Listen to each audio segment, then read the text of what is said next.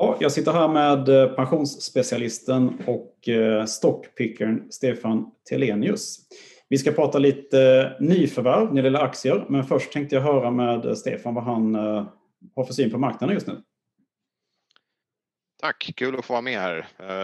Ja, marknaden. Jag försöker ju inte att tajma marknaden i någon större utsträckning eller ha, jag har väl ingen jättestark syn på, på marknaden i korta perspektivet generellt sett men man kan ju gissa att, att året kommer att avslutas starkt här då, då det andas optimism lite här och där och, och eh, ja, vaccin, vaccinen som är eh, nära förestående här nu ser ju lovande ut och så där så, så att då kan man ju hoppas på ett mer normaliserat 2021 i alla fall. Eh, men, men det, som sagt, det är inget jag försöker tajma utan jag, jag försöker hitta bolag som har goda framtidsutsikter och som, som går starkt i närtid också. Du har gjort några, några nyförvärv också senaste tiden. Eh, bland annat Array Technologies. Varför har du köpt den aktien?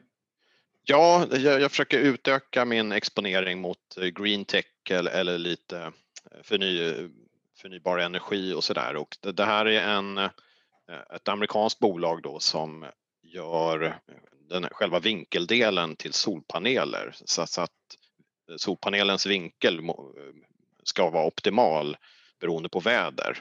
Så, att de har en intressant teknisk lösning där eh, och de har även en mjukvara då som stöder eh, den här vinkelanordningen som har inslag av AI och eh, machine learning då så att den ska bli mer effektiv med tiden också ju, ju mer klimatdata den samlar in och så vidare. Så, så att det tycker jag lät lite spännande så att där har jag köpt en, en liten eh, position helt enkelt. Hur ser värderingen ut då? Ja, den ser uh, ganska sansad ut med, med tanke på att det handlar om hållbarhet och, och tillväxtutsikterna är goda så att, att den handlas väl på ev-ebita runt 20 för nästa år. Förväntas mm. väl växa ungefär 20 procent. Så, så, att det, det, är väl, ja, jag, jag tycker Eh, det verkar vara ett ganska intressant case så att då vill jag testa en position här och se hur, hur det utvecklar sig helt enkelt. Mm. Sen har du handlat eh, kinesiska JD.com. Vad ligger bakom det köpet? Ja, nej, men jag, jag lyssnade på, på någon podd och sen har jag varit intresserad av caset en längre tid också. Jag vet att en del Twitterprofiler eh, gillar bolaget. Så där. Men nu satte jag väl mig in lite i vad, vad som är deras styrka och som jag förstår det så, så riktar sig de mot eh, kinesiska konsumenter i premiumsegmentet. Eh, så att säga, strax under lyx då. Och det segmentet förväntas ha en väldigt god tillväxt eh, över, över lång tid. Så, så att då och, och JD.com har, har ju då hela logistikkedjan lite, lite likt Amazon som jag förstått det, att, att de har både kan, kan leverera, de har saker på, på lager och kan leverera ut till kunden på, på ett snabbt och effektivt sätt. Så, så att, eh, ja, det, så det är väl en, en, en sorts exponering mot eh, kinesisk e-handel helt enkelt med, med eh, förhoppningsvis god eh, tillväxt kommande år här. Du har lite annan exponering mot kinesisk e-handel eller? Som du har sedan tidigare? Eh, ja, då får du nästan påminna mig här. Vad tänker du på då? Nej, jag bara tänkte testa. Du har väl Alibaba eller? Eh, nej, den, den har jag sålt. Den har du inte sålt? Den har sålt. Ja, okay. nej, jag fick lite kalla fötter där faktiskt när de Ant uh, Financials uh, uh, ja, historien uppdagades där att, att de, de underkände IPOn. Så, mm. så att ja, så, så, den, den, den får stå vid sidlinjen så länge. Men, men jag utesluter inte att jag tar in den i framtiden. Men, men JD.com känns lite mer, mm.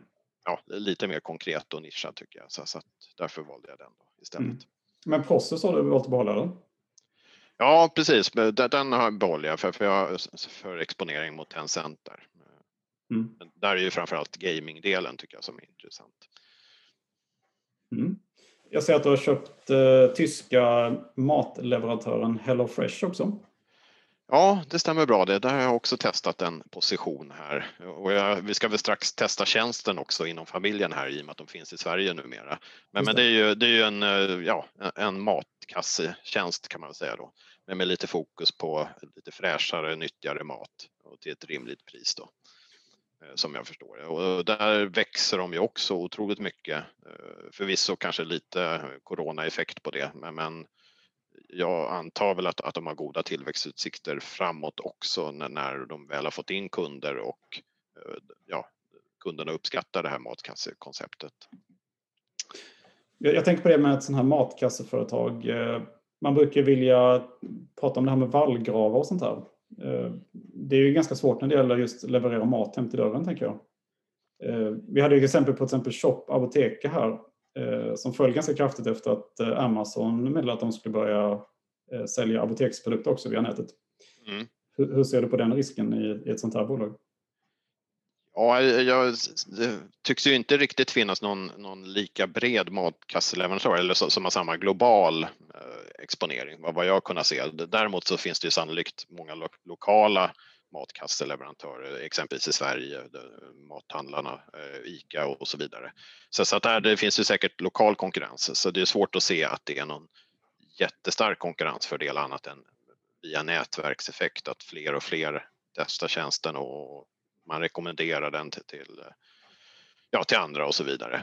Men eh, så, så att det får man ju väga, men då tycker jag ändå det väger upp lite mot att värderingen inte är jätteansträngd heller för, för den här typen av tillväxt som bolaget ändå har. Den handlas väl lite drygt ev ebit 20 för nästa år och förväntas fortsätta växa då. Mm. Med, med en 25 procent enligt prognos. Det låter stabilt. Jag ser att du har köpt eh, Taiwan Semiconductor också. Ja, det, det, det, bolaget har jag ägt eh, ett antal år faktiskt. Eh, jag tog in det som ett utdelningscase eh, när jag var lite mer inriktad på den typen av investeringar. Men, men nu har jag passat på att ökat här i närtid då, då de har uppvisat väldigt god tillväxt i år och, och förväntas växa en 15 procent kommande år här. Och här är också värderingen sansad runt ev-ebita 15 för nästa år. Då. Och lite spännande är ju att de har ju, det är de som tillverkar Apples nya generationsprocessorer här då, så, så att eh, de är ju Ja, de är ju teknisk framkant som jag har förstått det när det gäller att tillverka små chip.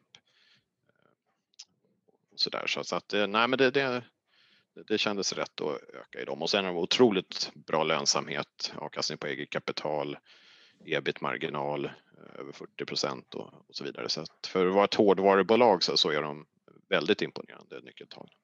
Har du någon annan exponering mot eh, halvledarindustrin just nu? Eh, ja, jag har väl en del Nvidia. Mm. Och sen så har jag det här holländska ASML. ASML, ja. Mm. Ja, precis. Så, så, det är väl lite också, ja. Indirekt kan man säga. Ja, indirekt exponering mot halvledare. Och ja, halvledarindustrin i stort är ju väldigt spännande framåt här med, med Internet of Things och, och ja, eh, så, så superdatorer och det, det, finns ju en väldigt bred användningsområde för, för eh, halvledare och chip framför allt. Plus att de generellt, de här bolagen har ju varit eh, ganska rimligt prissatta också. I alla fall ur mitt perspektiv. Ja, ASML och, och Taiwan Semiconductor får man nog boka på relativt rimligt ändå. Eh, Nvidias värdering är väl lite har det högre hållet då. Mm. Men de är ju de är spännande på sitt sätt. Eh, och gjorde ju det här spännande förvärvet av ARM eh, som är en nyckeldel i, i halvledarsammanhang. Mm. Ja, jag ser att du har köpt eh, tyska batteritillverkaren Valta också. Hur tänker ja, du nu? Ja, men de, de, de, har jag suktat på ett tag sådär, men, men de, värderingen har ju varit eh, skyhög.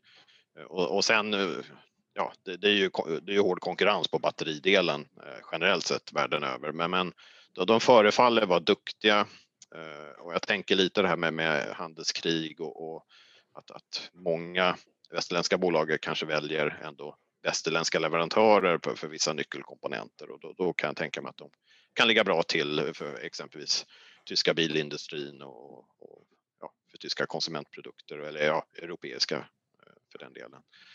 Eh, och, och, de är ju framförallt stora inom mikrobatterier så, som eh, används i variables som eh, trådlösa hörlurar och så vidare och de, den delen växer ju otroligt mycket så att eh, de förväntas väl växa med en 40 nästa år och handlas väl till ev ebita runt 25 givet det. Då. Så det, ja, det, det, är också en exponering mot lite green tech batterianvändning.